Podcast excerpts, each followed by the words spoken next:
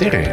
mina olen Postimehe tehnoloogiatoimetaja Marek Strandberg ja räägin teile, millistest asjadest on lugeda kuueteistkümnenda juuni kolmapäeva Postimehe teaduse ja tehnika külgedel. Mari-Liis Kolk teeb ülevaate Rakverest, kuhu Soolikuaja nimelisele veealale on loodud tehissaared, tehissaared, mille eesmärk on tegelikult vee puhastamine. tegemist on maailmas juba mõnikümmend aastat teada olnud tehnoloogiaga, mida on väga mitmel pool maailmas ka rakendatud ja sedapuhku on seesama tehnoloogia kasutusse võetud Eestis. küllaltki lihtsate tehislike saarte loomisega, sinna peale taimestiku loomisega on võimalik tekitada selline vees hulpiv, noh, kuidas öelda, tehismärgala, mis siis tänu sellele, et taimejuurte kaudu levib vee sisse hapnikku rohkem, tänu sellele, et taimejuurtel asuvad elama mikroorganismid, puhastavad seda veekeskkonda. ja seal räägitakse ka seda, kuidas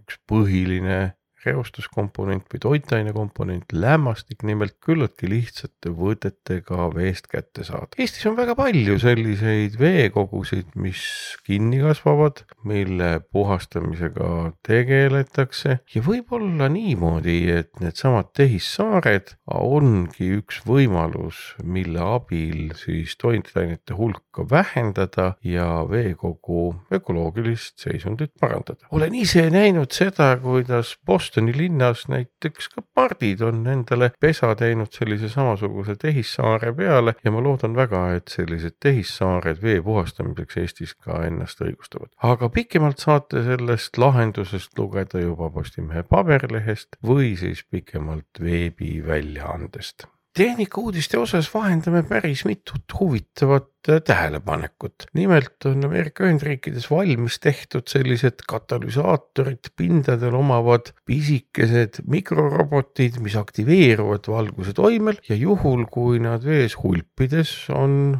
kätte saanud või nende lähedusse on sattunud mõni mikroplastitükk, siis valguse toimel nad krabavad selle endasse ja käivituvad protsessid, mille tulemusena plast mõne aja jooksul ka laguneb. selles nähakse võimalust, kuidas tulevikus toime tulla kõikjal vetes, ka sellistes kohtades, kuhu inimese silm ei ulata, mm, kätte saada ja kahjutuks teha lagundamise teel erinevaid mikroplasti tükikesi. meieni jõuab ka küllaltki hoiatav lugu selle kohta, kuidas on tänaseks juba õpitud kasutama erinevaid vahendeid, näiteks nutikõlareid, selleks, et tungida inimeste unenägudesse ja on tehtud ka katseid, kus on näidatud, et tungides unenägudesse on võimalik inimest mõjutada tegema hiljem oma ostuvalikuid teatud kaupade või teenuste kasuks. sellises tehnoloogias, mida nimetatakse siis äh,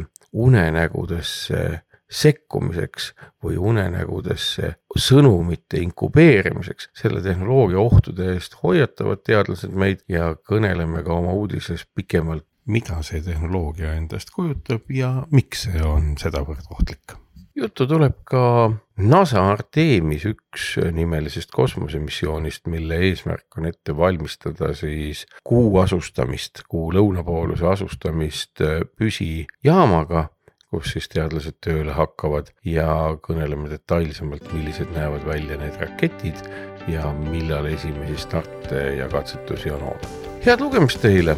paberlehest, lühemaid uudiseid ja veebist juba pikemaid lugusid